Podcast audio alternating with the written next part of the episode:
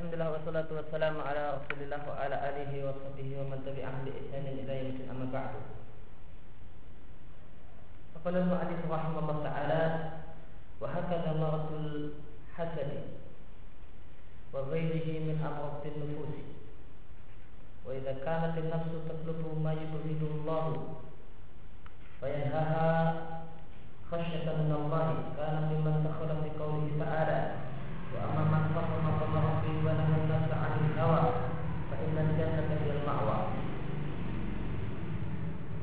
nafsu tidak ahabat syai'an saat dihusulihi bima yumkinu hatta tas'a umurin katsiratin takunu kulluha maqamatin litil karbayati faman ahabba mahabbatan masmumatan atau abu bughdan madmuman wa fa'ala dhalika kana athiman. Nisu ayyubghida saqtan li hadatihi lahu fayu'di man lahu bihi ta'adukun imam bimani hukukihi au bi utwani alaihi. Au li mahabbati lahu li hawahu ma'ahu fa yaf'al li ajlihi ma huwa muharramun. Wa ma huwa mahbun bihi lillahi fa li ajli hawahu la lillahi. Dan demikian pula penyakit hasad dan penyakit-penyakit jiwa yang lain Maka jika jiwa itu mengajak menuntut untuk melakukan apa yang Allah benci. Lalu seorang itu melarang mencegah jiwanya dari hal-hal yang Allah benci tersebut karena dia merasa takut kepada Allah maka dia termasuk dalam firman Allah Subhanahu wa taala. Adapun orang yang khafa maqama rabbih Orang yang merasa takut berdiri di hadapan Rabbnya Wanahan nafsa anil hawa Dan mencegah dan melarang jiwanya dari al-hawa dari hawa nafsu. Fa innal jannata hiya al-ma'wa maka surga adalah tempat kembalinya. Tentang makna makom ada beberapa penjelasan ulama tafsir tentang maknanya. Apa yang dimaksud dengan makom rabbi satunya adalah uh, penjelasan kitab sosial lain di sana disebutkan yang dimaksud makom rabbi adalah qiyamuhu baina yadayhi berdirinya seseorang berdirinya seseorang di hadapan Allah Subhanahu wa taala pada yaumul hisab. akan menghadap Allah Subhanahu wa taala dan dihisab oleh Allah Subhanahu wa taala. Maka makam di sini maknanya qiyam berdiri ya, Rabbihi maksudnya adalah di hadapan Rabbnya. Maka siapa yang merasa khawatir, merasa takut pada hari dia berdiri di hadapan Allah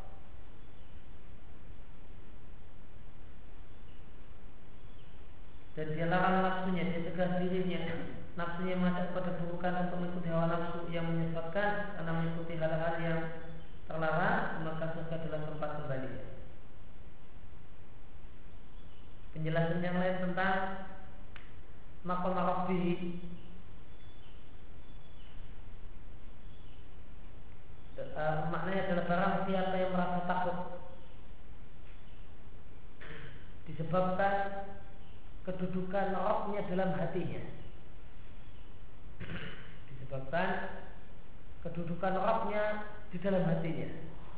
Dia adalah seorang yang mengagungkan Allah seorang yang memuliakan Allah yang merasa takut pada Allah demikianlah kedudukan Allah dalam hatinya. Maka orang yang semacam ini lalu dia mencegah jiwanya dari al-hawa fa innal jannata hiya al-hawa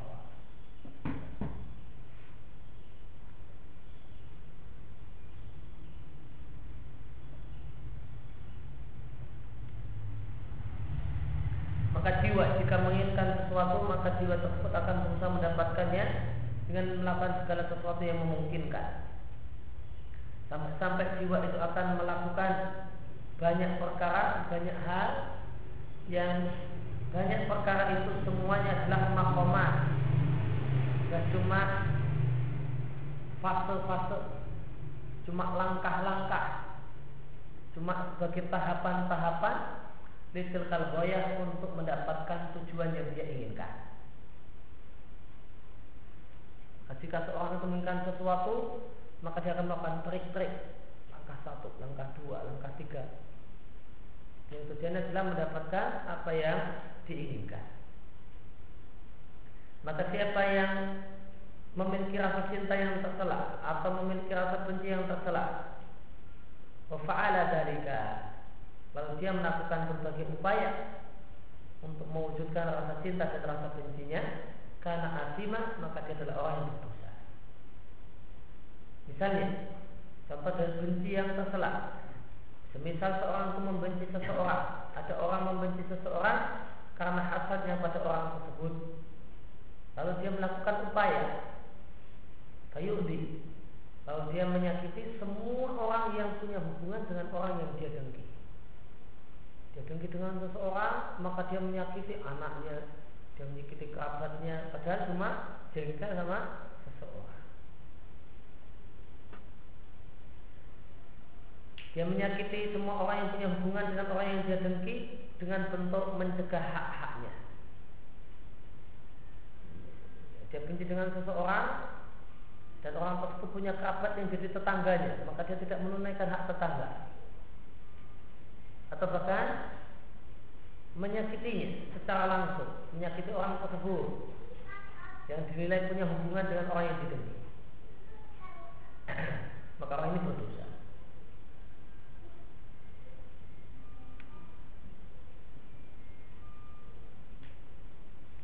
Auli mahabbatin lahu lihawahu atau contoh dari cinta yang telah atau karena cintanya kepada seseorang dan dia mencintai seseorang tersebut karena hawanya, karena nafsunya. Fas'alu li ajlihi ma huwa muharram. Akhirnya dia melakukan demi orang yang dia cintai sesuatu yang haram. Maka dia berdosa.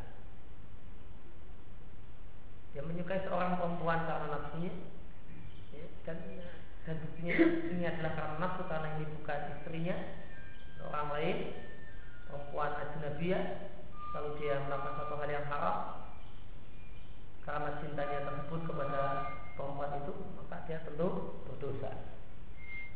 Wa mahmurun bilillahi dan segala sesuatu yang Allah perintahkan lalu dia kerjakan karena hawa nafsunya bukan karena Allah. Ini juga tidak benar.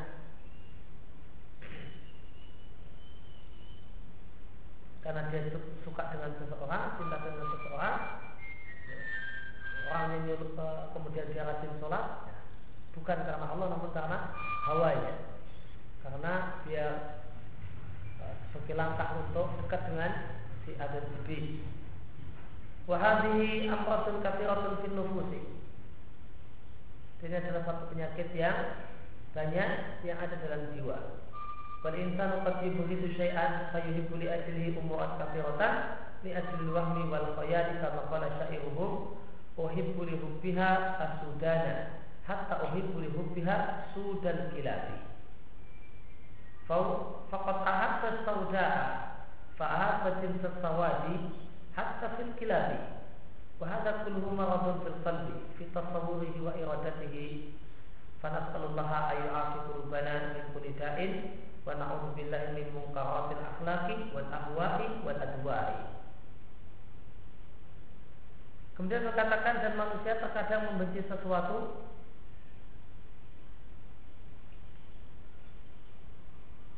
Ini kayaknya agak ada yang nggak nyambung kalau dilihat dengan terusnya kalimat. Dan manusia terkadang membenci sesuatu. Ini kalimatnya biar nyambung. Dan manusia terkadang menyukai sesuatu. Fayuhibbu li ajli lalu Fayuhibbu li ajli Ajli Ini kembali ke Syekh Tak benci kemudian jadi uh, Cinta. Maka kayaknya ada yang Kalimat yang kurang pas. Kalau Yuhibbu dengan yuhibbu Agak nyambung Atau lebih nyambung. Wal insan Wal insan dan manusia. Qad yuhibbu syai'an. Terkadang menyukai sesuatu Akhirnya Karena dia menyukai sesuatu Maka dia menyukai li ajli karena sesuatu tersebut banyak hal. Li ajli wahmi. Karena salah ya, karena waham karena cuma sekedar prasangka dan khayalan saja. Semacam kata seorang penyair. Uhibbu li hubbiha. Aku mencintai gara-gara aku mencintai perempuan itu. Maka gara-gara aku mencintai perempuan tersebut maka aku mencintai asudara semua warna hitam mencintai seorang perempuan yang berkulit hitam manis. Maka gara-gara yang kucintai adalah perempuan hitam manis maka aku mencintai semua warna hitam. Hatta uhibbu li hubbiha sudal gila. Sampai-sampai aku mencintai luhibbuha gara-gara cintaku pada perempuan hitam tersebut sampai-sampai aku jatuh cinta dengan sudal gilabi anjing yang berwarna hitam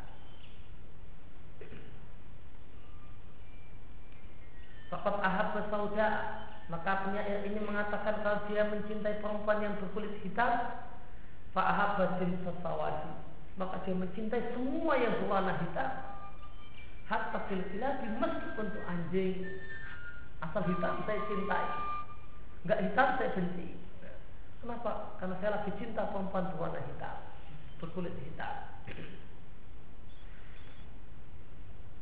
dan ini semua adalah penyakit yang ada di dalam hati. Dan ini adalah penyakit karena tasawuf penyakit persepsi dan penyakit keinginan. Maka persepsinya keliru. Dikira kalau jatuh cinta dengan perempuan kulit hitam maka konsekuensinya semua yang hitam dicintai. Anjing hitam disukai.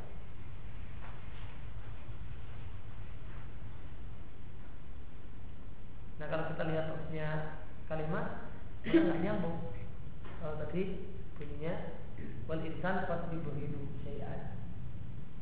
Nyambung kalau wal insan Qad yuhibbu syai'an. Karena terusnya bahas, bahas, bahas ini syair ini. Kalau Allah alam maka ada yang kurang tepat. Fanas'alullah maka kita meminta kepada Allah agar Allah uh, selamatkan kita dari semua penyakit dan kita berlindung kepada Allah dari akhlak yang muka, hawa nafsu dan segala bentuk penyakit. Fal-falqu inama khuliqa li ajli hubbillah ta'ala wa hadhihi fitratul lati Allah 'alaiha ibadahu kama qala sallallahu alaihi wasallam kullu mauludin yuladu 'ala al-fitrati fa abawahu yuhawidanihi aw yunasranihi aw yumajjisanihi kama tuntajul bahimatu tuntaju dengan musim dengan bentuk majhul. Karena, karena tuntas itu dalam bahasa Arab tidak memiliki sirah maklum.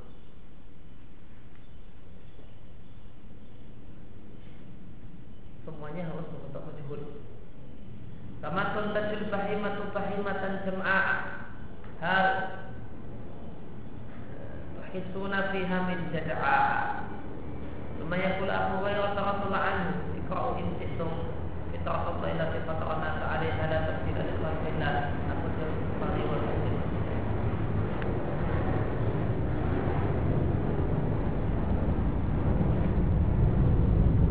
dan hati innama khuliqah hanyalah diciptakan dalam rangka untuk mencintai Allah Ta'ala inilah fitrah yang Allah tetapkan atas seluruh hamba-hambanya bagaimana firman bagaimana sabda Nabi Sallallahu Alaihi Wasallam semua anak dilahirkan di atas fitrah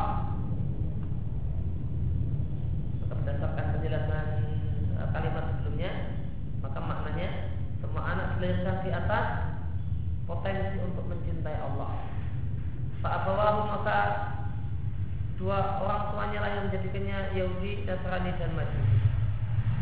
Bagaimana binatang itu melahirkan binatang yang sempurna?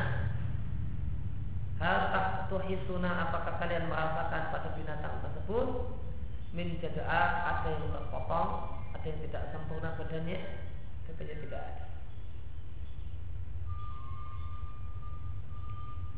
Semuanya pula Abu Hurairah kemudian Abu Hurairah mengatakan Jagalah jika kalian mau Fitrah allati fatarna ta'alaiha itulah fitrah yang Allah tetapkan atas seluruh manusia Tidak ada perubahan bagi ciptaan Allah subhanahu wa ta'ala Dalam tersilah dan tersilah saja ada kalimat tulisan yang maknanya Insya Artinya apa? Janganlah kalian ubah ciptaan Allah. Artinya apa? Janganlah kalian ubah fitrah yang telah Allah tetapkan pada manusia.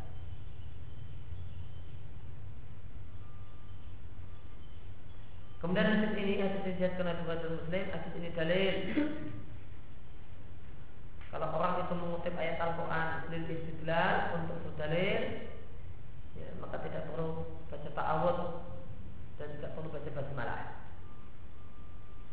Bagaimana praktek Abu Hurairah? Semuanya kulu Abu Hurairah tak ikra'u in situm. Abu Hurairah sudah mengatakan ikra'u in situm. A'udhu billahi minasyaitonir rajim. Bismillahirrahmanirrahim. Kita Allah lati fataran asa alaiha. Ini dalil berdasarkan perbuatan sahabat uh, jika seorang mengutip ayat, menyetir ayat, ya, fi maqamil istidlal dalam rangka untuk berdalil, maka tidak perlu uh, dimulai dengan ta'awud, tidak dimulai dengan basmalah, langsung uh, dia baca ayat yang tidak digunakan untuk berdalil. Ada perintah untuk uh, untuk ta'awud atau baca basmalah sebelum baca Al-Quran itu adalah fi maqamil qiraah membaca dalam tujuan membaca bukan membaca dalam tujuan berdalil. Allah Subhanahu wa ta'ala ibadahu ala mahabbatihi wa ibadatihi wahdahu. Fa idza turiqatil fitratu bila fasadin kana al-qalbu 'arifan billahi muhibban lahu wahdahu. Lakin tafsudu fitratuhu min maradihi ka'abawaihi yuhawidanihi aw yunasranihi wa hadhihi kulluha eh, tughayyiru fitratahu allati fatarahu Allah 'alaiha.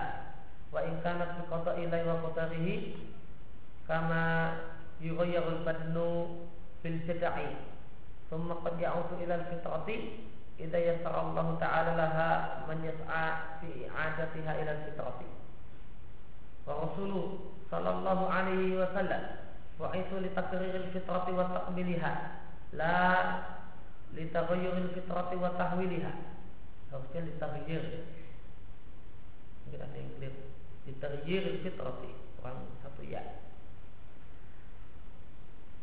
Kalau tahwayur itu berubah. Kalau tahyir itu mengubah. Dengan cocok mengubah. Wa idza kana qalbu muhibban lillahi wahdahu mukhlishan lahu dinan lam yubtala bihubbi ghairihi fadlan ay yubtala bil ishqi. Wa haythu ubtuliya bil ishqi falinaqsi mahabbatihi lillahi wahdahu. Wa lihada lima kana yusufu muhibban lillahi mukhlishan lahu dina lam yubtala bidzalika bal qala ta'ala kadzalika linasrifa 'anhu su'a wal fahsya innahu min ibadina al mukhlasin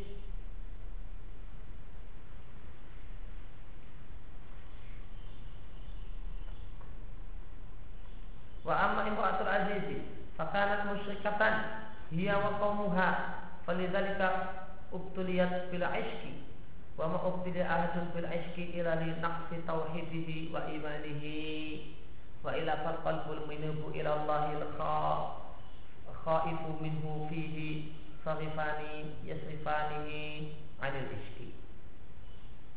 Maka Allah Subhanahu wa taala memfitrahkan seluruh hamba-hambanya untuk mencintai Allah dan beribadah hanya kepada Allah semata. Maka jika fitrah manusia turikat dibiarkan apa adanya. Bila fasadin tanpa dirusak Maka hati tersebut akan menjadi hati yang mengenal Allah Dan mencintai Allah semata. Akan tapi fitrahnya rusak Disebabkan karena penyakit. Semacam dua orang tuanya menjadikannya Yahudi atau Nasrani Maka ini semualah yang mengubah fitrah manusia yang Allah fitrahkan manusia uh, di atasnya. Meskipun perubahan ini juga terjadi dengan kodok dan koda dengan takdir Allah Subhanahu Wa Taala. Bagaimana badan itu berubah Biljadai ketika dipotong Ketika jarinya dipotong atau tangannya dipotong Sumakat yang ilal fitrah Kemudian manusia tersebut boleh jadi kembali kepada fitrah Jika Allah memudahkan baginya man adanya orang yang yas'a berusaha untuk mengembalikan ya, mengembalikan fitrah tersebut atau jiwa orang tersebut kepada fitrah. Dan para dan para Rasul Sallallahu Alaihi Wasallam diutus untuk mempertahankan fitrah dan menyempurnakannya. Sehingga kalimat yang tetap la ditaghyiril fitrah, bukan untuk mengubah. Taghyir itu mengubah, taghayur kalau yaknya cuma satu berarti bacanya taghayur. Taghayur berubah. Bukan untuk mengubah fitrah dan memindahnya. Apa bedanya? Kalau taghyir boleh jadi perubahannya cuma sedikit. Dia berubah sudah tidak lagi seperti aslinya. Karena ada beberapa hal yang berubah. Atau dipindah? Pindah satunya perubahan total Waidakan akan muhibban lillah. Dan jika hati itu adalah hati yang cinta karena Allah uh, mencintai Allah semata dan memurnikan agama untuk Allah agama di sini maknanya taat yang dimaksud taat ini maknanya ibadah. Dan orang tersebut adalah orang yang memurnikan ibadahnya hanya untuk Allah, maka orang tersebut tidak akan mendapatkan cobaan dengan jatuh cinta kepada selain Allah. Lebih-lebih lagi kok mendapatkan cobaan terjumus dalam al-ishqu.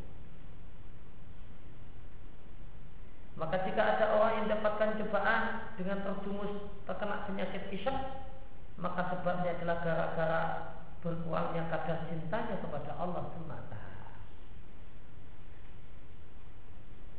Maka sampai di sini uh, Islam menyebutkan obat isyak. Dalam pertemuan yang lewat yang telah kita bahas, obat isyak adalah al-ya'su. Obat al-ishku adalah al-ya'su. Jika orang itu putus asa untuk mendapatkan sesuatu yang dicintai. Dan dia dan dia menyadari bahasanya cintanya, keinginannya, sahwatnya, isyaknya kepada seseorang, kepada seorang perempuan karena isyak itu kemarin apa? Biasa dipakai untuk perempuan dan sobi.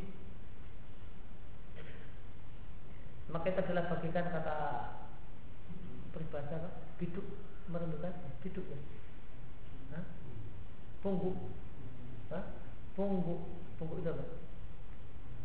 Hah? Siapa yang tahu? Burung yang nggak bisa terbang. Oh, jenis burung saya apa?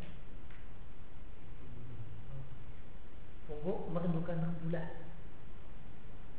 Kalau dia menyadari, kalau dia dapat pungguk merindukan rembulan, artinya mustahil ada alias, maka akan bilang al-ishku. Kemudian di sini Syekhul Islam menyebutkan obat al-isku yang kedua. Karena obat sesuatu itu adalah dengan melihat sebabnya. Nah, obat sesuatu itu melihat sebabnya. Kenapa sakit? Kebanyakan kopi. Nanti kopi silakan ya?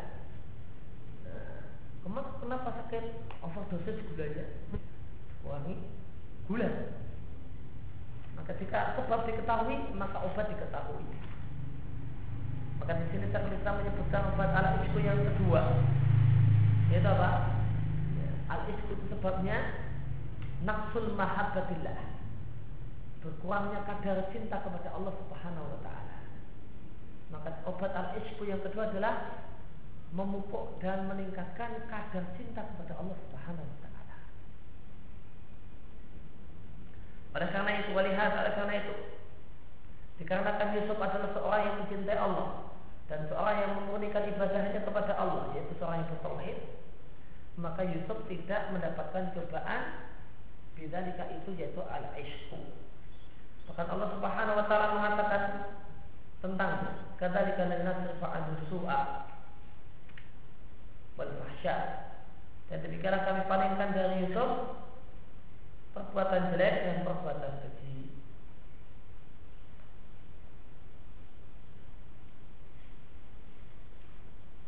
Apa beda suh dan fahsya? Fahsya itu adalah perbuatan dosa, kemungkaran ya, orang nggak punya agama saja mengatakan itu mungkar.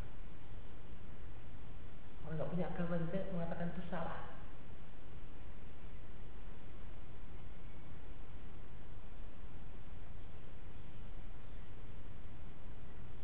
Sedangkan itu adalah perkara kemungkaran yang e, dikira oleh sebagian orang sebagai satu hal yang baik atau yang tidak bermasalah, pada itu sangat bermasalah, pada itu dosa. Inna min ibadina mukhlasin sesungguhnya dalam kiroah yang lain Inna min ibadina mukhlisin. Inna min ibadina mukhlasin sesungguhnya di, di antara hamba-hamba kami yang pilihan. Kenapa Yusuf menjadi manusia pilihan? Dalam kiroah yang lain Inna min ibadina mukhlisin Karena dia adalah seorang yang mukhlis Seorang yang memurnikan ibadahnya hanya untuk Allah. Sedangkan Imratul Aziz Maka Imratul Aziz ini adalah perempuan musyrik dia dia adalah musyrik demikian juga kaumnya yaitu penduduk Mesir ketika itu. Oleh karena itu lumrah karena dia orang musyrik lumrah saja ketika perempuan ini mendapatkan cobaan berupa Aisyah dan tidaklah seorang pun mendapatkan cobaan bil isyki dengan penyakit isyak kecuali linaksi tauhid. Linaksi tauhid di gara-gara kadar tauhidnya itu mengalami penurunan dan karena kadar iman yang mengalami penurunan. Fal-qalbul munib karena hati yang selalu kembali kepada Allah, merasa takut kepada Allah, maka di dalam hati tersebut sarifani terdapat dua hal yang akan memalingkan dia dari penyakit isyak. Ahaduhuma inabatuhu ilallahi wa mahabbatuhu wa mahabbatuhu lahu fa inna dzalika alahu wa atyabu min kulli syai'in Fala tabqa ma'a mahabbatillahi mahabbatu makhlukin tuzahimuhu. Wa tani khawfu min Allah fa innal khawfa al-mudadda lil 'ishqi yasrifuhu. Wa kullu man ahabba syai'an bi ishkin aw bi ishkin fa innahu yusrafu an mahabbatihi bi mahabbati man wa ahabbu ilaihi minhu idza kana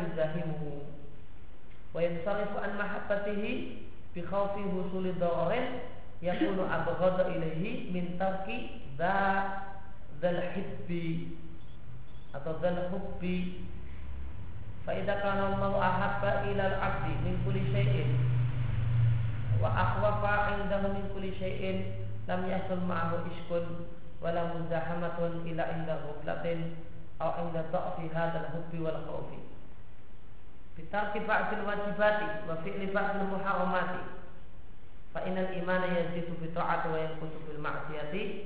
Fa kullama fa'ala al-'abdu ta'ata mahabbatan lillahi wa khawfan minhu wa taraka al-ma'siyata hubban lahu wa khawfan minhu qawiya hubbuhu lahu wa khawfu minhu. Fayazilu ma fi qalbi min mahabbati ghairihi wa makhafati ghairihi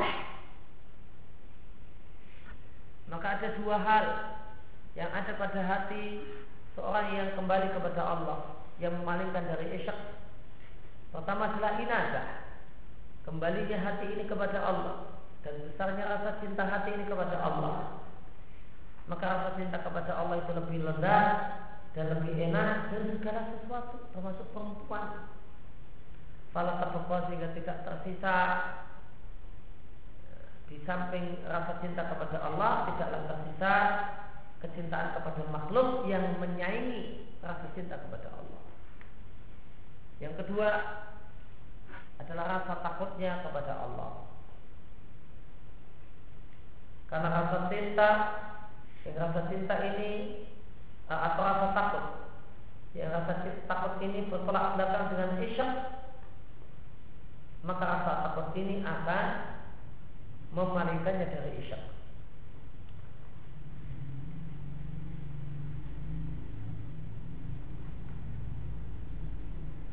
Dia mengatakan fa'idal khawfa mudhaf lil isyki yasrifu. Maka rasa rasa takut yang rasa takut itu belakang dengan isyak dengan rasa cintanya maka rasa takut tersebut akan memalingkannya. Seorang yang demen dengan seorang gadis, namun dia takut sama bapaknya. Seorang demen sama gadis, dia takut setengah mati sama bapaknya, karena bapaknya sangat menakutkan. Padahal kalau mau ketemu gadis tersebut harus lewat bapaknya. Hilang. Jalan satu-satunya harus lewat bapaknya. Padahal takut sekali sama bapaknya. Maka ini akan hilang. Fa'ina khawfa mudar lil ishki yasrifuhu. Wa kullu man ahabba syai'an maka semua orang yang mencintai sesuatu boleh jadi cintanya itu sampai kadar isyak atau belum sampai kadar isyak maka rasa cintanya kepada sesuatu tersebut akan terpalingkan, artinya akan pupus. Disebabkan karena dia mencintai sesuatu yang lebih dia cintai. Tidak karena yuzahimuhu. Ya. Jika ya, Jika rasa mencintai orang yang ya, Mencintai sesuatu yang lebih cintai ini Itu menyaingi. Ya, Menyaingi cintanya yang pertama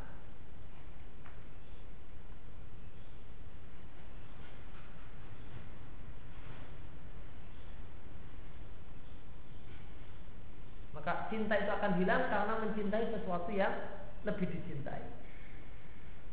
Ini kaidah cinta yang disampaikan oleh Syekhul Sentenya. Cinta itu akan hilang ketika ada sesuatu yang lebih dicintai. Yang yang sesuatu yang lebih dicintai ini tadi bertolak belakang. Harus pilih salah satu. Itu yang dimaksud yuzahimuhu. Ada dua hal yang dicintai. Dan harus pilih salah satu. Dan ada sesuatu yang lebih dicintai maka sesuatu yang lebih dicintai ini akan menghilangkan sesuatu yang kurang dicintai.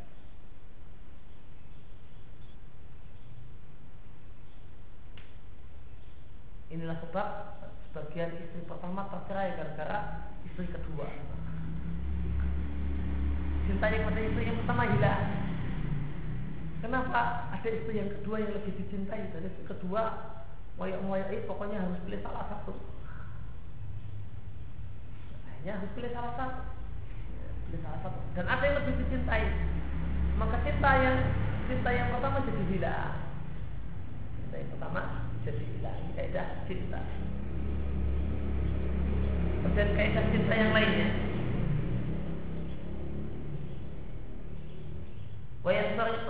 Wayansarifu an mahabbati bi khawfi husuli dararin dan akan yang sorot akan hilang akan musnah akan pupus rasa cinta dengan sesuatu bikhawfi husul. Ketika ada rasa takut terjadinya bahaya. Yang bahaya tersebut lebih dibenci daripada bahaya meninggalkan sesuatu yang dicintai. Maka kaidah cinta berikutnya adalah cinta itu akan pupus akan hilang gara-gara khauf gara rasa takut mendapatkan bahaya yang lebih bahaya ini lebih besar. Lebih menakutkan daripada bahaya hilangnya orang yang dicintai atau hilangnya sesuatu yang dicintai.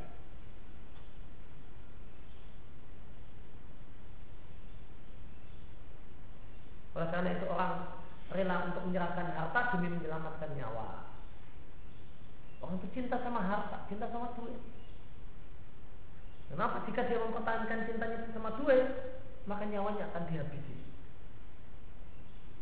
Maka dia takut timbul dorong bahaya. Bahayanya ini lebih besar dampaknya daripada bahaya kehilangan duit.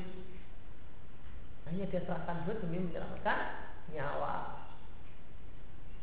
Maka cintanya kepada duit tadi hilang, Cintanya pada duit itu hilang. Kenapa? Karena takut dorong yang lebih besar. Ini kayak cinta secara umum. Faidah karena Allah ahabba ilal abdi. Maka kita kembali kepada hubungan kepada Allah. Maka jika Allah itu lebih dicintai oleh seorang hamba dan segala sesuatu dan siksa Allah dan atau Allah itu lebih ditakuti oleh seorang hamba dan segala sesuatu maka tidak akan bakalan lam yahsul ma'ahu maka tidak akan mungkin terwujud namanya iskut dan tidak mungkin akan terwujud namanya muzahamatun persaingan antara cinta Allah dan cinta selain Allah. Tidak mungkin terjadi iskut jika seorang itu lebih mencintai Allah dari segala sesuatu. Illa indah kecuali ketika dia pas lalai atau pada saat lemahnya rasa cintanya kepada Allah dan rasa takutnya kepada Allah. Disebabkan meninggalkan sebagian kewajiban dan melakukan sebagian hal yang haram. Karena iman itu pertama dengan taat kedua dengan maksiat.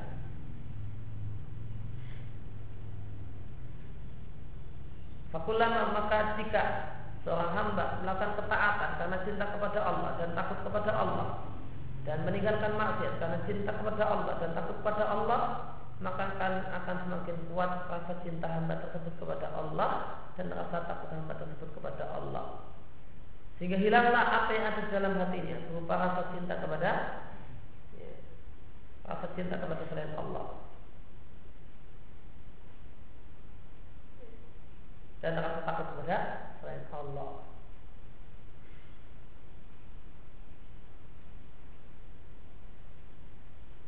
Dan satu hal yang uh, jika kita membaca buku dan tulisannya Syekhul Islam, Taimiyah dan juga Ibnu Qayyim, maka beliau uh, sering sekali menyampaikan kaidah-kaidah psikologi, kaidah-kaidah cinta, kaidah jiwa, macam banyak sekali.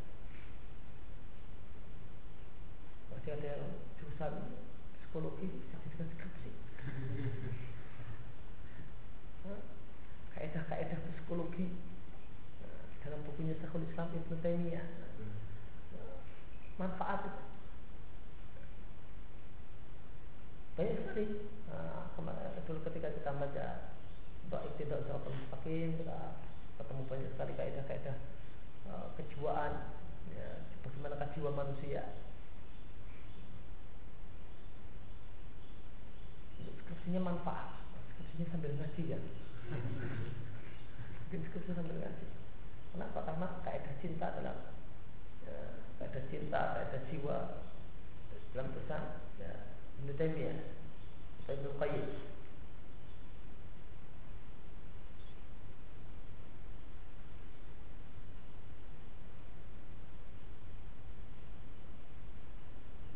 وهكذا أمر في الأبدان فإن الصحة تحفظ بالمثل والمرض يدفع بالضد فصحة القلب في الإيمان تحفظ بالمثل وهو ما يورث القلب إيمانا من العلم النافع والعمل الصالح فتلك أغذية له. كما في حديث ابن مسعود مرفوعا وموقوفا إن لكل عاتب يحب أن تؤتى معجبته wa inna ma'rifatallahi hiyal Qur'an eh, wal atibu al mudibu fa huwa diafatullah li ibadihi. Dan demikian juga penyakit badan. Karena kesehatan itu terjaga dengan melakukan yang semisal. Dan penyakit itu akan tertolak akan tercegah dengan kebalikan. Artinya Pak, untuk menghilangkan penyakit ketahui sebab, kemudian cari kebalikannya. Ya, itu di antara cara sembuh. Ini sebabnya apa?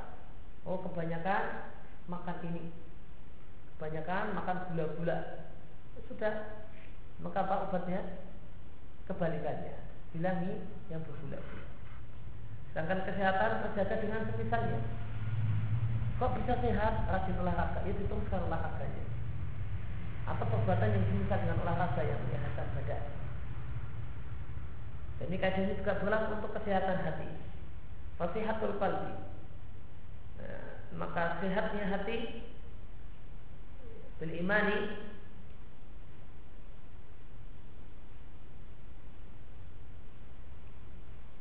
Fasihatul qalbi Maka sehatnya hati Bil imani adalah dengan iman. Maka tuhfadu kesehatan hati ini terjaga Bimisli dengan perbuatan yang semisal ya, Dia sehat dengan iman. Maka dijagalah kesehatan hati ini dengan perbuatan yang sebisa. Apa yang sebisa? wawama yaitu segala sesuatu yang membuahkan iman pada hati. Yaitu ilmu yang manfaat yaitu ilmu Quran dan Sunnah dan amal yang soleh amal yang sesuai dengan Quran dan Sunnah. Fatilka ardiyatullah itulah gizi itulah makanan hati Bagaimana dalam hadis Ibnu Mas'ud yang maksud sabda Nabi apakah perkataan Ibnu Mas'ud sendiri semua penjamu, semua tuan rumah itu ingin jamuannya dinikmati. Dan sesungguhnya jamuannya Allah adalah Al-Quran. Maka bacalah Al-Quran. Itu adalah jamuan. Jamuan apa? Ini tadi dihubungkan dengan masalah makanan hati. Maka jamuan Allah adalah Quran. Maka di situ dalam Al-Quran terdapat makanan. Untuk apa? Untuk hati. Yang dimaksud adib dalam hadis ini adalah al-mudif tuan rumah yang menerima tamu. Bahwa maka Al-Quran adalah jamuan Allah Subhanahu Wa Taala untuk hamba-hambanya. Kemudian paragrafnya kayaknya agak melompat, nggak nyambung. Tiba-tiba langsung akhir lain di waktu di akhir malam.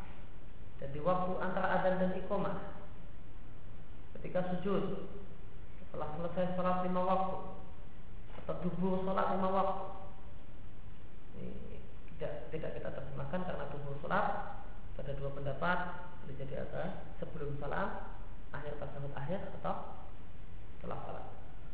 Wa yudamu ila dalikal istighfar fa inna man istarqa Allah thumma taba ilaihi mata'ahu mata'an hasana ila ajalin musamma.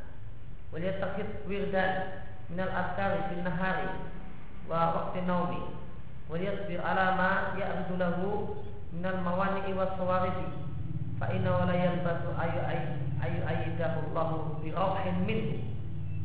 Wa yaktufu al imana fi qalbihi wa yahris ala ikman al fara'id min al salawat al khamsi batinatan wa zahiratan fa innaha amudud dini wa liyakun hijjirahu la ilaha la haula wa la quwata illa billah fa innahu biha tuhmalul asqal wa tukabadul ahwal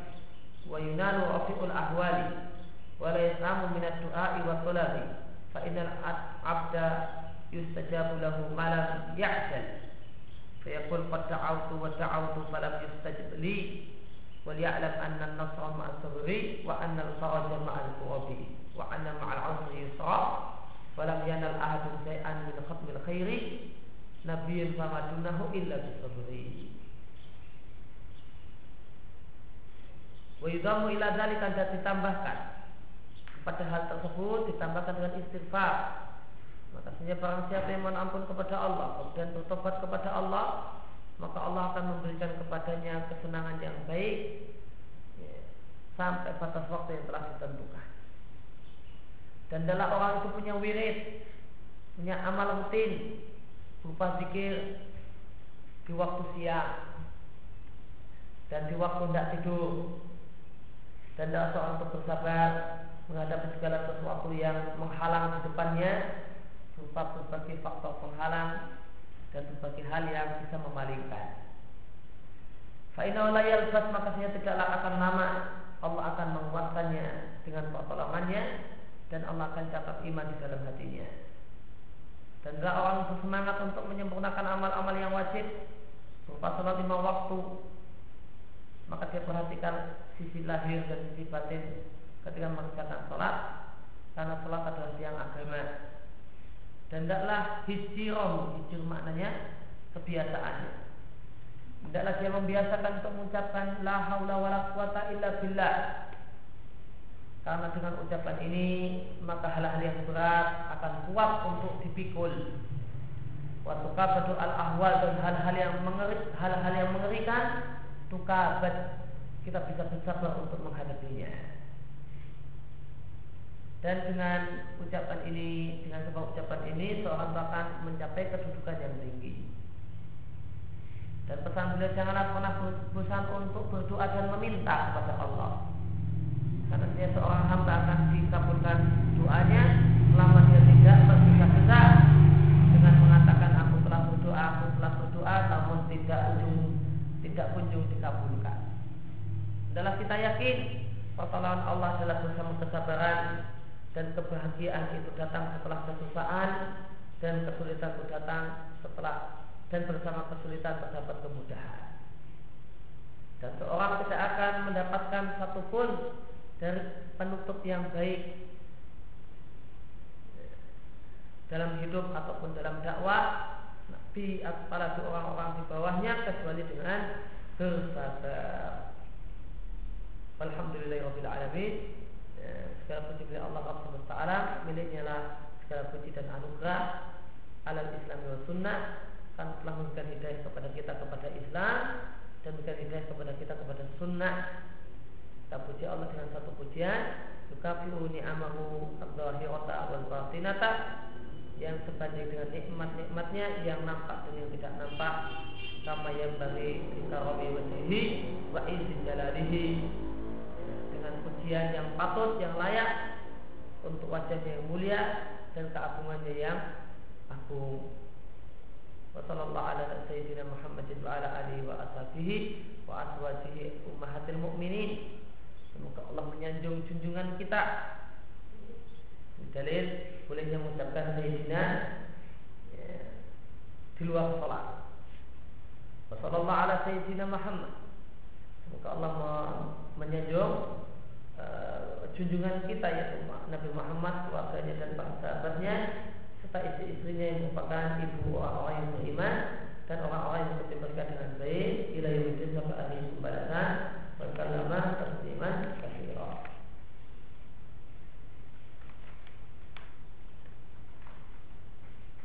di mana ada orang tuh uh, nemui saya dia uh, bantu proyek dosennya dosen psikologi mau bikin penelitian tentang konsep konsep apa, spiritualisme spiritualitas apa. Ya, pokoknya konsep tentang apa uh, berkaitan dengan masalah apa, proses beragama. Tahap-tahapnya langkah-langkahnya menurut Islam. Saya sampaikan ini judulnya terlalu besar. Ini wadahnya terlalu besar. Dalam Islam itu apa yang dimaksud dalam Islam? Dalam hal yang dianggap Islam. Nah, kalau itu yang dimaksud. Dalam hal yang dianggap Islam maka maka spiritualis ya, spiritual dalam uh, masalah proses untuk mendekatkan diri kepada Allah itu ada konsepnya ahli sunnah dan ada konsepnya sufi itu konsepnya sufi juga macam-macam. Tergantung tarikatnya. Tergantung tarikatnya. Tarikatnya macam-macam. Mau tarikat yang nyimpang sekali sesat banget. Itu yang akunya juga proses mengajari orang untuk proses mendekatkan kepada Allah.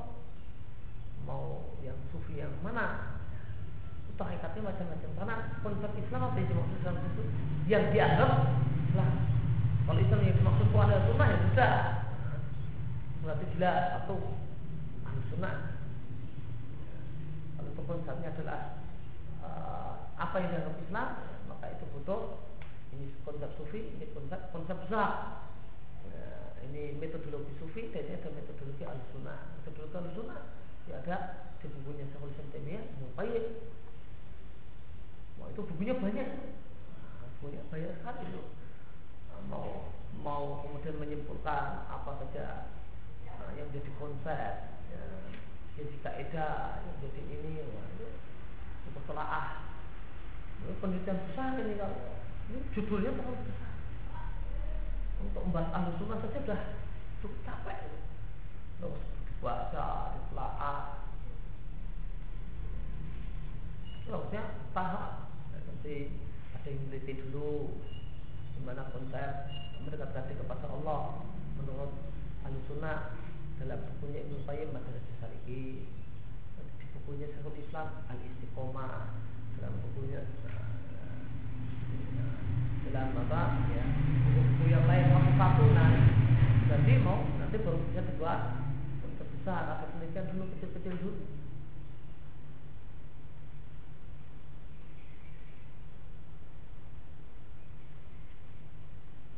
Ini satu sisi dari sisi dari Islam Taimiyah dan Muqayyim yang juga patut mendapatkan perhatian ya terutama teman-teman yang, yang misalnya kuliah di psikologi ini bisa jadi bahan ya untuk khidmat terhadap ilmu, khidmat pada agama dengan menyampaikan bahasanya ya bukan hanya teori barat ya bukan teori barat ya karena kan bahasanya Islam dan secara khusus ulama ahli sunnah itu juga punya bahasa tentang masalah ini namun ini tersebar.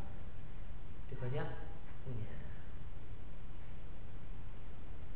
Ya demikian wasallallahu ala nabi Muhammadin wa ala alihi wasallam. Wa sallam. Alhamdulillahi rabbil alamin. Subhanakallahumma wa bihamdika asyhadu an la ilaha illa anta astaghfiruka wa atubu